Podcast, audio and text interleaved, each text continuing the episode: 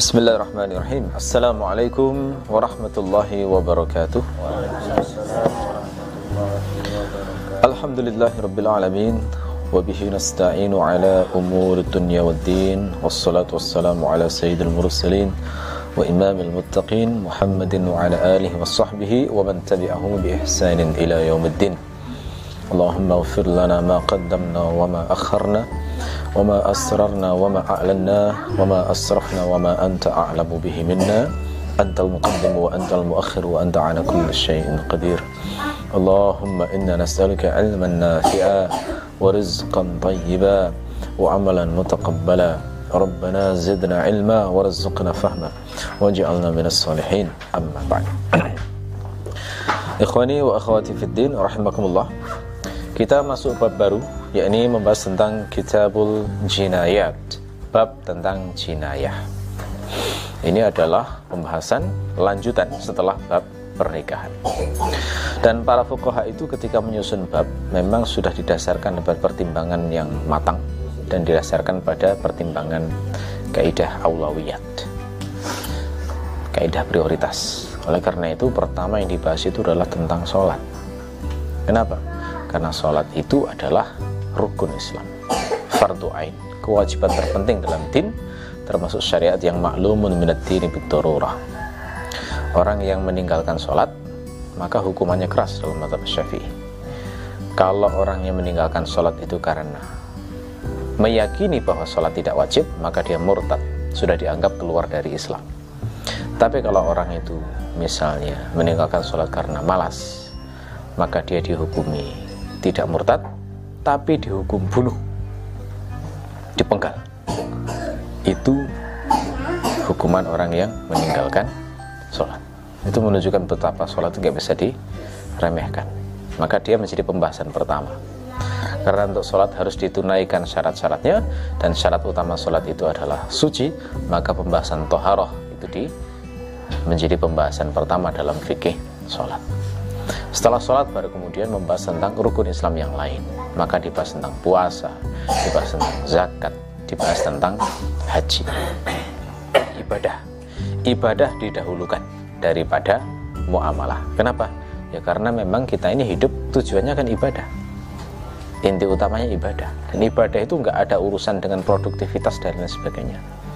Ibadah itu bentuk penghambaan pada Allah. Nggak bisa diukur dengan akal manusia dari sisi manfaat dan tidak. Kadang orang itu terlalu kena rasionalitas rasionalisme maka mereka itu menganggap bahwa agama itu yang benar ya yang hanya bermanfaat bagi sesama. Harus ada dimensi kesalehan sosial katanya begitu. Enggak selalu semacam itu. Coba kalau ibadah malaikat di langit itu apa manfaatnya? Untuk sesama malaikat. Kan tidak ada loh ibadah itu pengabdian itu harus ditekankan makanya ini kadang-kadang merusak pikiran kayak begini. Islam memang mengajarkan ibadah yang sifatnya memberi manfaat pada orang lain. Tetapi agama bukan dibatasi di situ. Esensi agama adalah ibadah. Ya, ibadah saja. Semata-mata mengabdi itu. Malaikat di itu entah berapa ribu juta tahun kita nggak tahu beribadah. Itu kalau dihitung pakai dari sisi manfaat sesama malaikat nggak ada. Hablun minal malaikah nggak ada. Dimensi itu nggak ada makanya keliru ya memandang urusan agama itu dari sisi manfaatnya itu nggak benar. Meskipun agama mengajarkan syariat yang ada unsur manfaatnya pada orang lain. Jadi ibadah didahulukan. Karena tujuan kita hidup memang untuk beribadah. Kita diciptakan Allah itu memang untuk beribadah. Wa ma khalaqtul jinna wal insa illa liya'budun. Tidaklah aku ciptakan jin dan manusia kecuali untuk menyembah aku kata Allah di surah Az-Zariyat jadi seperti itu ibadah. Nah, begitu ibadah selesai, nah, maka baru ke pembahasan ke muamalah. Kenapa ada pembahasan muamalah? Karena memang karakteristik manusia kan nggak sama dengan malaikat. Manusia itu oleh Allah dibuat butuh makan, butuh minum, butuh istirahat. Malaikat kan nggak ada keterangan semacam itu. Manusia dibutuh makan, butuh minum, butuh istirahat dan berkembang biak dia. Maka dia punya kebutuhan-kebutuhan. Ketika dia punya kebutuhan, ya, maka dia berusaha memenuhinya. Gimana cara memenuhinya? Kalau manusia pertama yang berbuat sesebisanya, berburu di hutan, Sama Nabi Adam mungkin masih seperti itu, masih berburu, masih menanam, gitu caranya. Begitu orang sudah semakin banyak, ya maka mulai berpikir kalau saya hanya mengandalkan perbuat uh, usaha saya sendiri, maka bisa jadi kebutuhan saya nggak akan full terpenuhi.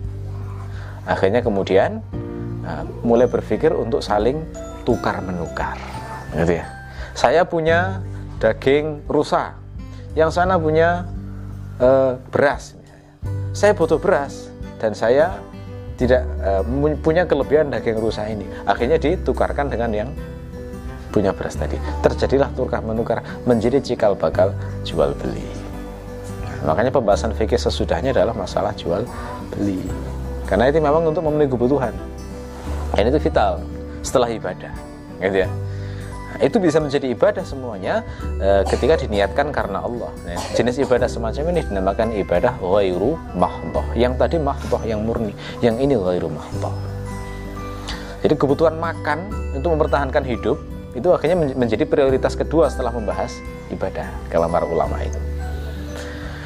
Setelah makan terpenuh dianggap beres, maka kebutuhan lainnya juga tidak bisa diingkari adalah kebutuhan yang terkait dengan nafsu seksual karena manusia itu kan diciptakan berpasang-pasangan dan Allah memberikan uh, syahwat pada masing-masing itu. Syahwat itu penting karena kalau nggak ada syahwat maka tidak akan mungkin ada pernikahan, tidak akan muncul generasi baru yang akan melestarikan spesies manusia.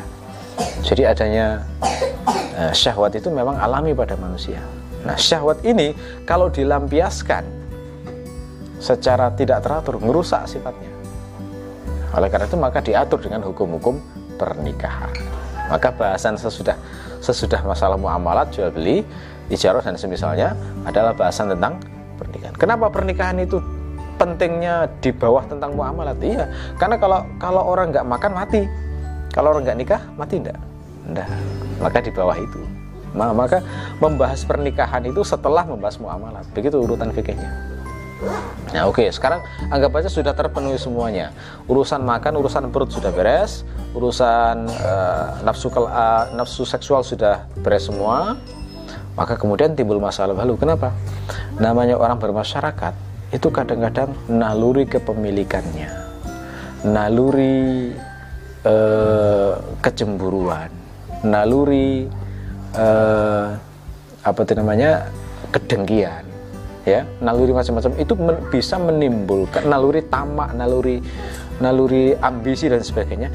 Itu bisa menimbulkan problem di sesama masyarakat misalnya orang sudah punya uang sudah punya mobil tapi masih pengen mencuri harta rakyat jadi masalah tuh timbul kriminal itu akhirnya gitu ya orang sudah punya uang sudah ini tapi masih ingin mencuri harta orang lain timbul tindakan kriminal Orang misalnya melakukan utang piutang, ditagih nggak bayar-bayar, marah, dibunuh. Terjadi tindakan kriminal. Gitu ya. Ada problem tindakan dari dari upaya pemenuhan kebutuhan termasuk ini ada dimungkinkan ada problem-problem yang muncul terkait dengan tindakan kriminal maka kemudian pembahasan selanjutnya adalah mengatur mengontrol mengendalikan tindakan kriminal ini dengan hukum-hukum seperti yang dinamakan yang menjadi judul bab ini kitabul jinayat Cina itu berarti Cina itu maknanya adalah hukum yang membahas tentang tindakan kriminal yang dilakukan terhadap sesama.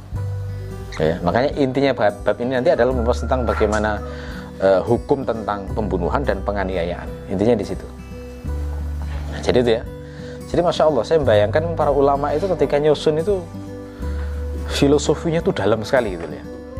Mereka nggak sembarangan nyusun itu. Ya jadi dari ini diurut sampai terakhir bab soal negara itu paling terakhir urusan negara itu kan sudah semuanya sudah beres ibaratnya batu batanya sudah tersusun rapi baru kemudian membicarakan tentang negara. Nah ini kalau dirusak susunannya merusak keindahan agama Islam memang orang jadi salah prioritas orang jadi melalaikan yang wajib untuk melaksanakan yang eh, yang dianggap eh, yang yang yang sebenarnya bisa diprioritaskan sekian itu malah berat pahala apa? Hisapnya nanti di akhirat. Keliru ya. Makanya sudah benar para ulama mengutamakan uh, tentang tohar. Saya nggak setuju dengan beberapa ucapan yang mengatakan uh, umat semacam ini masalahnya kok masih bahas masalah toharoh nah tidak bisa kayak begitu dia. Nah kita uh, kita hidup ini untuk ibadah esensinya. Maka kita melakukan sesuai dengan apa yang diperintahkan oleh Allah. Oke jadi itu ya. Itu kenapa bab jinayat ini diletakkan sesudah pernikahan. Nah itu filosofinya kira-kira begitu. Baik sekarang kita analisis bahasanya dulu. Apa makna jinayat jinayat itu dari kata jinayah. Ya jinayah itu bentuk jamak jinayat itu mufradnya adalah jinayah. Jinayah itu adalah masdar dari kata jana. Jana itu maknanya adalah berbuat kriminal yang sifatnya itu mengganggu hak orang lain. Yang sifatnya itu mengganggu orang lain baik itu berupa pembunuhan ataupun penganiayaan jadi kejahatan terhadap sesama terhadap e, kejahatan terhadap sesama yang berupa pembunuhan atau penganiayaan. Nah, itu mana dari jinayah. Berarti jinayah ini beda dengan kejahatan seperti minum homer minum homer itu kan tidak mengganggu orang ya. Dia bisa mabuk sendiri itu bisa di kamar. Enggak sifatnya tidak me, tidak membunuh orang lain atau me, mengenai orang lain. Makanya minum homer ini dimasukkan bab hudud bukan jinayah nanti setelah jinayah bahas tentang bab hudud hudud itu pelanggaran terhadap hak Allah ya kalau jinayat itu pelanggaran terhadap hak manusia. Nah, itu bedanya ya. Makanya didahulukan hak manusia dulu sebelum membahas tentang uh, pelanggaran terhadap hak-hak Allah. Al-qatlu ala salasati adrub. Pembunuhan itu ada tiga macam. Langsung membahas tentang pembunuhan. Karena ini memang pelanggaran terberat pada manusia itu adalah pembunuhan. Bahkan menurut hadis Nabi, pembunuhan itu adalah yang pertama kali dihisap di akhirat pembunuhan, kasus pembunuhan. Terus bagaimana dengan mengkompromikan dengan riwayat yang mengatakan bahwa pertama kali yang akan ditanya Allah itu adalah tentang sholat? Nah, gimana itu? Nah, ini tidak bertentangan, bisa di bisa dijelaskan. Maknanya begini, hak Allah pertama kali yang akan ditanya adalah sholat.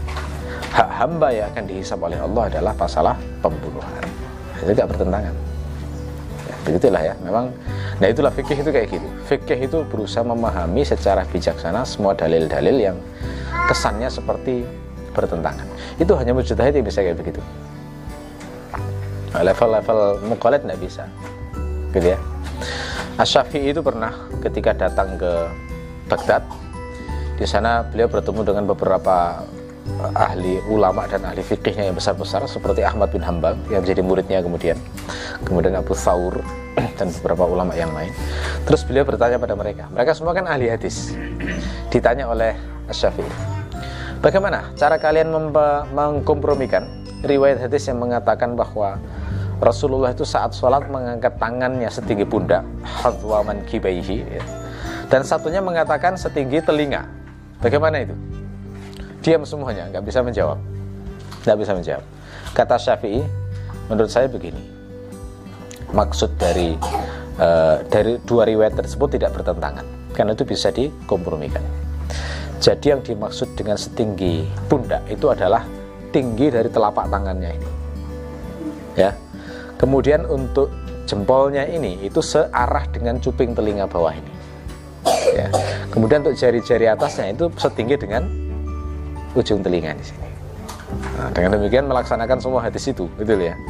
Jadi Asyafi itu memahami sahabat yang meriwayatkan setinggi pundak itu adalah melihat ininya standarnya gitu ya yang meriwayatkan setinggi telinga itu melihat dari ujung jarinya sih semua semuanya memuji ya. Semua fastah sanu katanya hadisnya. Maka semua semua ulama yang, di, yang diajak dialog oleh Syafi'i ini uh, semuanya me, memuji cara Syafi'i dalam memahami. Itu bayangkan loh ya, seorang ulama besar yang hafal ratusan ribu hadis memahami dua riwayat ini itu nggak nggak terfikir gitu loh ya untuk untuk sampai kesimpulan itu. Itu Asyafi'i yang sanggup melakukannya. Inilah level mujtahid mutlak ya, semacam itu. Kisah yang saya sebutkan ini bisa dicek di kitab Ta'liqah Al-Qadhi Husain. Ada di sana, saya temukan. Oke, jadi itu ya. Uh, mengkompromikan. Baik, kita uh, lanjutkan. Jadi pembunuhan itu ada tiga macam. Abdrub itu jamak dari dorbun. Dorbun itu maknanya nawa. Jadi dorbun maknanya banyak, banyak bisa bermakna pemukulan, bisa bermakna safar, bisa bermakna mencetak uang. Untuk konteks ini maknanya adalah nau, jenis. Ini bentuk jamak wazan af'ul. Jadi bahasa Arab itu ada bentuk jamak wazan af'ul. Biasanya kata nafsun, jamaknya apa? Anfus. Nah, itu wazan af'ul. Anfusukum itu maksudnya jiwa-jiwa kalian, diri-diri kalian, nafsun. Ya. Pembunuhan itu ada tiga macam. Kenapa disebutkan tiga macam? Karena ini nanti konsekuensinya beda-beda, sanksinya beda-beda, hukumannya beda-beda. Maka dijelaskan dulu jenisnya. Apa saja itu? Yang pertama adalah amdun mahdun. Sengaja murni. Jadi mahdun itu maknanya murni. Amdun sengaja. Kesengajaan murni. Jadi kesengajaan murni. Istilah ibadah mahdoh itu tulisannya begitu ya. Mahdoh mim ha dun. Nah, itu maknanya murni. Dinamakan ibadah mahdoh, ibadah yang murni maksudnya. Ini kata sifat, tetapi jenisnya adalah sifat musyabbahah. Makanya nggak ngikuti wazan-wazan uh, isim fa'il. Ya. Jadi kalau sifat itu umumnya kan pakai wazan isim fa'il. Tapi ada pula beberapa sifat yang tidak mengikuti wazan isim fa'il tetapi dimaknai seperti isim fa'il. Yang semacam ini dinamakan sifat musyabbahah. Yang belum paham harus membaca buku Muntaha ya. Buku bahasa Arab saya. Saya nulis buku bahasa Arab judulnya Panduan Belajar Bahasa Arab Muntaha. Ini bisa diketahui itu perbedaan antara sifat musyabbahah, kemudian isim fa'il, mubalaghah isim fa'il, isim tafdil itu.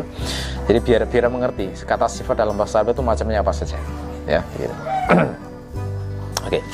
Yang kedua adalah wa khata'un mahdun, salah murni. Maksudnya nggak sengaja. Jadi khata itu lawan dari amdun. Kalau amdun itu sengaja, khata itu tersalah. Jadi maksudnya tidak sengaja, tidak sengaja murni. Ya. Jadi kalau pembunuhan murni, ya, sengaja murni, ya, seperti uh, beberapa pemuda yang membunuh Enu dengan menusukkan gagang pacul ke kemaluannya sampai mati itu ya. Nah itu contoh pembunuhan murni. Sengaja, itu soalnya. Itu dipegangi, telanjangi, terus nyari alat untuk menusuk kemaluannya yang ketemu pacul diambil pacul itu ditusukkan di Tangerang kejadiannya tahun berapa saya lupa itu itu pembunuhan murni semacam itu ya.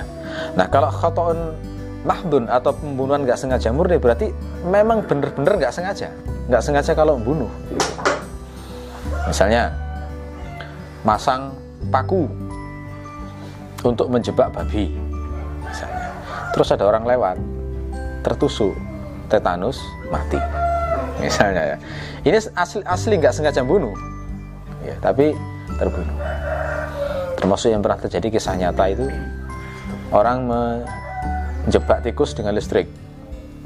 Kan terjadi beberapa kali ya di berita itu. Listrik besar di sawah ya kan kan banyak tikusnya itu. Dikasih listrik besar begitu. Terus nggak tahunya ada yang lewat situ. Kena setrum mati. Ini jenis pembunuhan juga. Tapi khata'un mahdun murni tidak tidak sengaja. Yang ketiga adalah amdun khata' sengaja yang tidak sengaja. Nah, gimana itu ya? Jadi ini ini istilah lainnya adalah shibhul amdi seperti sengaja. Tapi sengaja tapi nggak sengaja. Jadi maksudnya begini orang amdun khata' itu niatnya nggak membunuh mungkin hanya melukai saja. Tapi akhirnya sampai tewas. Nah, misalnya nempeleng orang. Umumnya ditempeleng kan nggak mati tuh. Tapi kalau misalnya ditempeleng sampai mati maka itu termasuk jenis pembunuhan sengaja yang yang nggak sengaja. Sengaja menganiaya tapi nggak sengaja sampai membunuhnya. Nah, itulah istilahnya. Itu istilahnya amdun khotok atau istilah lainnya shibhul amdi. Jadi mirip dengan sengaja tapi bukan sengaja. Ya. Setelah itu kemudian Abu Suja menerangkan definisi masing-masing.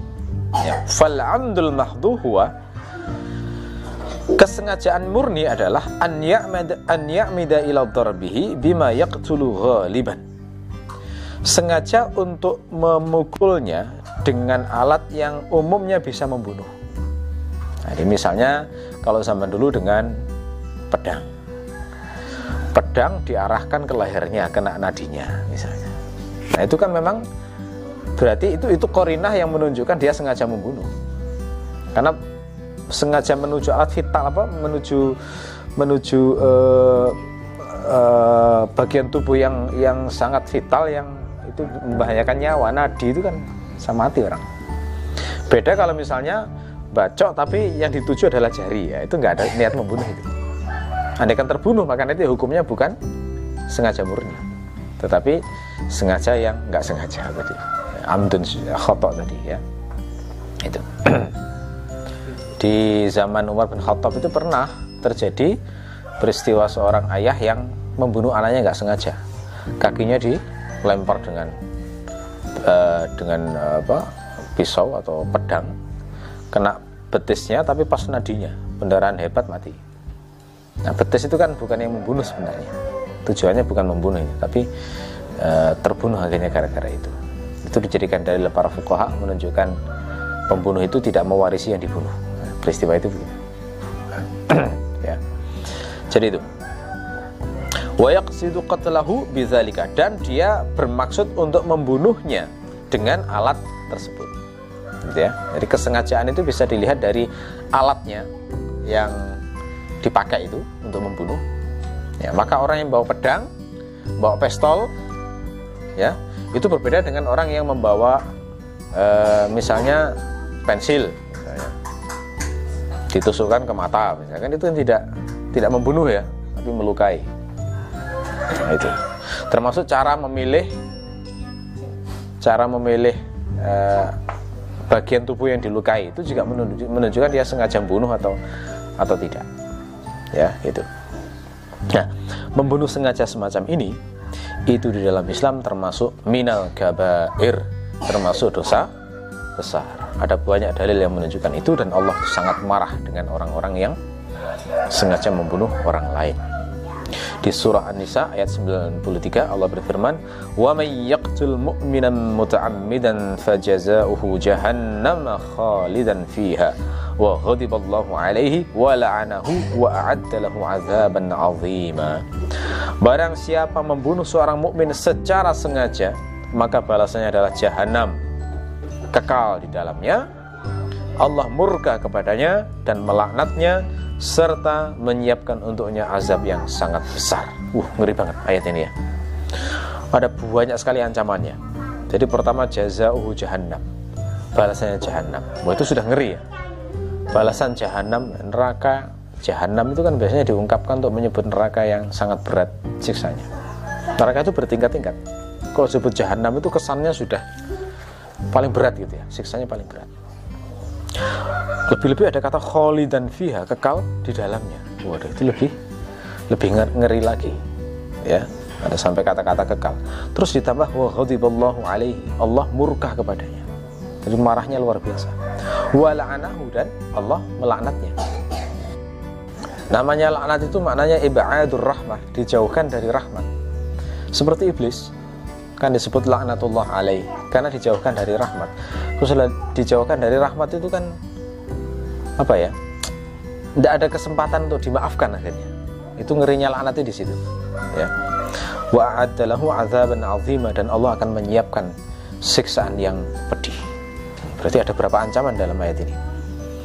Jadi eh, dibalas jahanam kemudian kekal dalamnya Allah murka padanya melaknatnya dan disiapkan asapnya lima lima kali eh, tekanan untuk mencela orang-orang yang membunuh orang lain, membunuh nyawa mukmin. Makanya saya benar-benar tidak setuju dengan beberapa paham yang begitu mudahnya membunuh orang beriman dengan alasan bahwa dia itu uh, murtad atau kafir, sementara uh, orang tersebut itu tidak tidak paham bagaimana fikih memanfaat apa menerapkan hukum murtad dan kafir itu. itu bisa habis semua itu amal solehnya dia gara-gara kesalahan membunuh satu orang yang beriman. Kalau kita belajar prinsip hadis kan lebih baik salah mengampuni daripada salah mengeksekusi. Gitu ya. Salah mengampuni itu lebih baik daripada salah mengeksekusi. Karena salah mengampuni itu kan misalnya dia seharusnya bersalah tapi diampuni itu kan masih diharapkan tobatnya dia baiknya kan gitu. Tapi kalau salah mengeksekusi dia sebenarnya nggak bersalah. Sudah kadung dieksekusi sudah mati. Itu kan kasihan deh kayak gitu makanya salah satu prinsip pengadilan dalam Islam itu gitu. Lebih baik salah mengampuni daripada salah mengeksekusi. Jadi termasuk dosa besar dosa besar sekali. Ini termasuk paham berbahaya yang mengajarkan mudah untuk menumpahkan darah orang lain. Ya. Itu Termasuk juga hadis Nabi menegaskan bahwa membunuh nyawa itu adalah dosa besar. Dari Abu Hurairah, dari Nabi Shallallahu Alaihi Wasallam beliau bersabda, "Ijtanibus sab'al mubiqat." Jauhilah tujuh hal yang membinasakan. Ini tujuh dosa besar yang paling penting untuk diperhatikan. Jangan sampai terjatuh di dalamnya. Para sahabat bertanya, "Qalu ya Rasulullah, wa ma hunna?" Wahai Rasulullah, apa itu? Qala asyirku billah. Satu adalah syirik kepada Allah. Ini dosa yang tak terampuni. Orang mati dalam keadaan musyrik, maka balasannya neraka kekal di dalamnya, tidak bisa diampuni lagi. Yang kedua adalah wasihru, sihir. Ya. sihir itu terjelek, makanya nggak usah nggak usah dicitrakan jadi baik jadi nggak ada gunanya itu meskipun buat tokoh Harry Harry Potter dan sebagainya. Itu itu kan berusaha mencitrakan ada sihir baik ada sihir buruk. Semua sihir buruk. Nggak ada sihir putih itu ada. Ini termasuk tujuh yang membinasakan. Ya. Jadi hati-hati ya orang muslim. Uh, kalau film Harry Potter itu kan di beberapa negara dilarang ya. Karena memang bertentangan. Di Saudi dilarang saya kira. Enggak saya dilarang. Karena berusaha menanamkan pikiran ada sihir yang baik. Itu bahaya memang bertentangan dengan Islam. Semua sihir itu buruk. Sihir itu termasuk as-sab'ul mubiqat tujuh yang membinasakan termasuk gabaya. Yang ketiga waqatlun nafsil lati haramallahu illa bil haq. Membunuh jiwa yang diharamkan oleh Allah kecuali dengan yang hak. Ya tadi membunuh secara sengaja orang-orang yang terjaga yang seharusnya dia itu dilindungi nyawanya itu termasuk dosa besar membinasakan. Kalau dikaitkan dengan ayat yang menjelaskan ancaman orang membunuh memang yang ngeri banget di sini. Gitu. Tapi ada pengecualian illa bil haq kecuali dengan cara yang benar. Jadi membunuh itu ada yang benar. Contohnya apa? Kisos. Itu kan bunuh orang lain juga tuh tapi benar karena untuk melaksanakan hukum. Bunuh di, dihukum dengan bunuh. Termasuk kasus rajam. Itu kan membunuh juga. Tapi membunuh ya dengan cara yang hak maka yang semacam itu tidak tercela.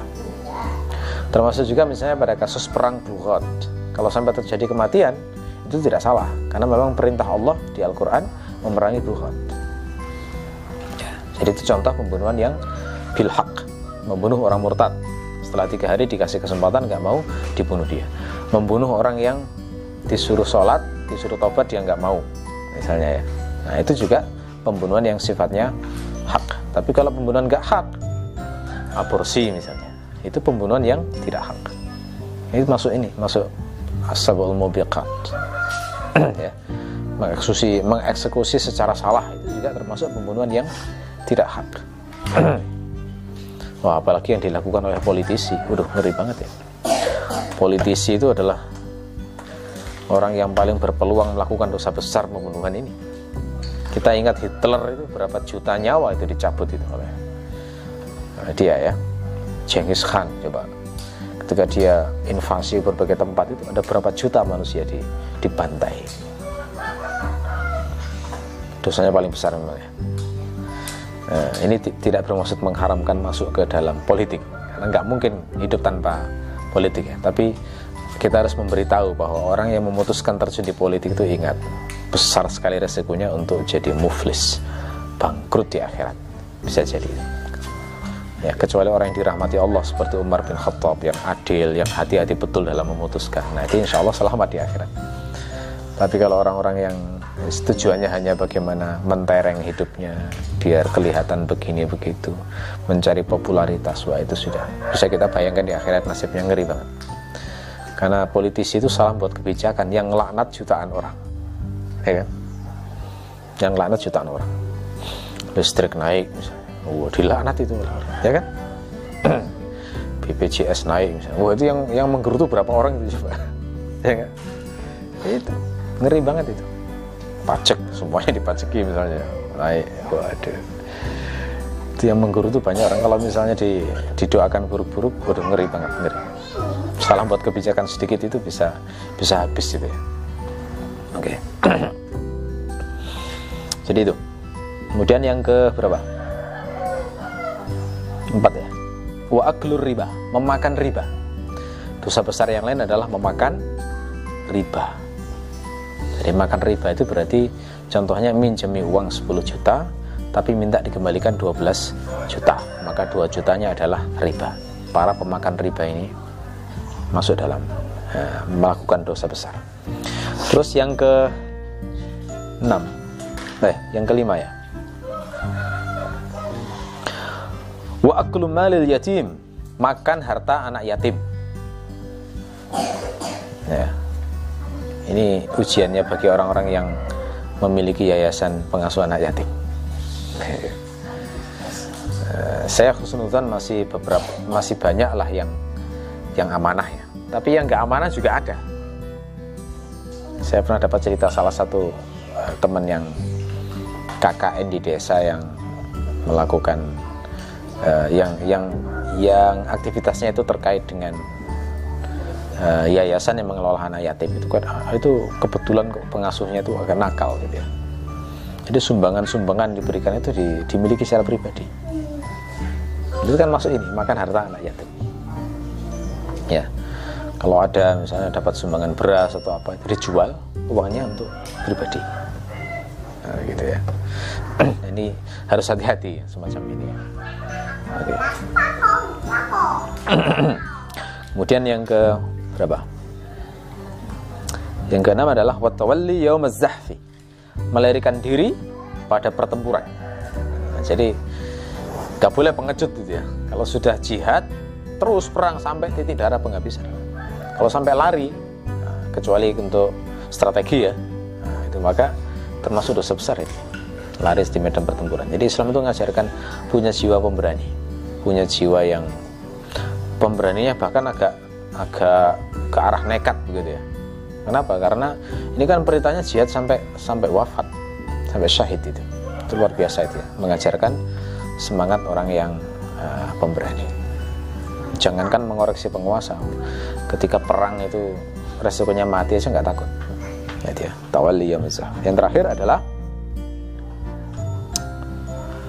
wa qadhful muhsanatil mu'minatil ghafilat menuduh wanita yang sudah bersuami yang bermukmin yang baik-baik yang terhormat dituduh berzina. Ya, seperti dosanya orang-orang yang menuduh Aisyah e, berzina. Nah itu termasuk dosa besar ya. Nah itu. Dari tujuh dosa besar ini maka membunuh adalah salah satu dari tujuh dosa besar itu. Di hadis riwayat Ibnu Majah ada juga riwayat yang menunjukkan bagaimana sangat besarnya dosa membunuh orang lain itu. Dari Al-Bara bin Azib beliau mengatakan anna Rasulullah sallallahu alaihi wasallam qala la zawalud dunya ahwanu 'ala Allah min qatli mu'minin bighairi haqqin. Rasulullah bersabda, hilangnya dunia itu lebih enteng di sisi Allah daripada pembunuhan satu orang mukmin tanpa hak. Nah, coba hilangnya dunia itu kan berarti ya ya ya hancur dunia ini. Kalau dihargai dunia ini berapa kira-kira nilainya? Banyak loh dunia selebar UB aja coba itu. Bangunannya butuh berapa triliun untuk bangun ini ya kan? Ya. Kalau ditambah dengan yang lain-lain itu berapa itu nilainya? Itu semua itu nggak ada nilainya kalau dibandingkan dengan nyawa seorang mukmin. Lihat betapa berharganya nyawa seorang mukmin di hadapan Allah Ini harusnya orang kalau tahu hadis-hadis kayak gini tuh takut loh yang menghilangkan nyawa orang lain. Kalau nggak dengan uh, alasan yang benar-benar hak itu, harusnya hati-hati betul. Oke, okay. jadi itu. Nah, uh, itu bagaimana sikap uh, Islam terkait dengan pembunuhan yang disengaja, bahwa itu termasuk dosa besar. Maka kalau ada orang yang melakukan semacam ini, konsekuensinya apa? Fayajibul qawadu alaih maka wajib kisos untuknya Kawat itu maknanya kisos. Kisos itu apa? Kisos itu maknanya berarti dihukum setimpal, yakni dibunuh juga. Siapa yang membunuh orang lain, maka dia wajib untuk dibunuh sebagai hukuman bagi dia. Apa dalil kisos ini? Dalil kisos banyak. Di antaranya surah Al-Baqarah ayat 178. Allah berfirman, Ya ayyuhalladzina amanu kutiba alaikumul qisasu fil qatla. Wahai orang-orang yang beriman, diwajibkan atas kalian kisos pada korban-korban pembunuhan. Jadi sudah nggak bisa ditakwil selain wajib ini ya. Karena sudah ada kata kutiba. Kutiba itu di, diwajibkan, ditetapkan. Ya.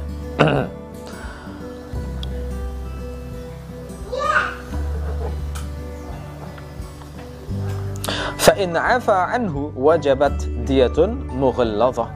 Kalau misalnya dia memaafkan, afa di situ memaafkan, fa'ilnya siapa? Fa'ilnya itu adalah waliyul qatil, walinya korban pembunuhan. Ini enggak ada lafadznya di sini tapi ada secara perkiraan. Jadi seakan-akan lafadznya fa'in afa waliyul qatili anhu kalau misalnya walinya korban pembunuhan itu memaafkan pembunuh tersebut, maka ketentuannya adalah wajabat diatun muhalladhah. Maka wajib membayar diat muhalladhah. Jadi meskipun memaafkan itu enggak tiba-tiba bebas gitu enggak. Tapi wajib membayar diat muhalladhah. Apa itu diat muhalladhah? Diat itu adalah tebusan ya ganti rugi gampangannya mughalladha dari kata ghalladha ghalladha itu memberatkan mughalladha itu yang diberatkan. Jadi diat yang diberatkan. Sama seperti najis ada najis mughalladha itu berarti najis yang diberatkan. Lawannya najis mukhaffafah atau najis yang diringankan. Ya dia diberatkan itu bagaimana? Nanti keterangannya tapi intinya dua diat mughalladha itu 100 ekor unta. Bayarnya adalah 100 ekor unta. Jadi kalau unta sekarang anggap aja 15 juta satu ekor, maka 100 ekor unta itu nilainya kira-kira satu miliar setengah. Ya, itu. kalau gajinya dua bulan, apa sebulan 2 juta ya tinggal ngitung aja. Lunasnya berapa lama? Ya, karena di sini ketentuannya apa? Halatun fi malil qatil harus kontan. Tidak boleh dicicil. Harus kontan halah itu maknanya kontan harus kontan tidak boleh dicicil kenapa? Ya ini sebagai bentuk hukuman keras menghilangkan nyawa orang lain ya. Meskipun dimaafkan ya tetap harus ada konsum biar orang itu nggak nggak sembarangan membunuh orang lain. Harus kontan. Ya. Fimalil qatil yang diambil dari hartanya pembunuh. Jadi nggak boleh ditanggung orang lain itu tidak boleh. Harus diambil dari hartanya pembunuh. Kalau dia misalnya nggak punya uang, ya harus hutang. Yang nanggung dia pokoknya. Ya, tidak boleh ditanggung orang lain. Ini nanti beda dengan hukuman untuk pembunuhan yang nggak disengaja, karena yang menanggung nanti adalah akilah. Akilah itu kerabat-kerabatnya. Ya, makanya uh, ini dibedakan pembunuhan sengaja dan tidak itu dari sisi yang nanggung. Jadi saya kadang-kadang ketika membaca ini, oh berarti dalam Islam itu ada orang yang nggak ikut melakukan kriminal, tapi dia kena imbasnya, harus ikut nanggung gitu ya. Nah ini mungkin barangkali biar jadi pendorong juga supaya orang itu mendidik kerabatnya dengan baik, jangan sampai melakukan tindakan kriminal karena dia kena imbasnya itu kalau misalnya terjadi kasus pembunuhan yang tidak disengaja. Ya, bisa jadi dipandang sebagai musibah juga mungkin itu. Ya, jadi gitu. Apa dalil dari ketentuan ini? Ya, bahwa harus bayar diet dan sebagainya. Itu didasarkan pada uh, sejumlah riwayat. Misalnya hadis riwayat Muslim, "Wa man qutila lahu qatilun fahuwa bi khairin nadharain, imma an yufda wa imma an yuqtal." Barang siapa ada kerabatnya yang dibunuh, maka dia punya dua pilihan dan boleh memilih yang terbaik dari dua pilihan itu yakni ditebus atau dibunuh. Nah, ini berarti hukuman bisa diat atau kisos bilangnya begitu ya oke okay.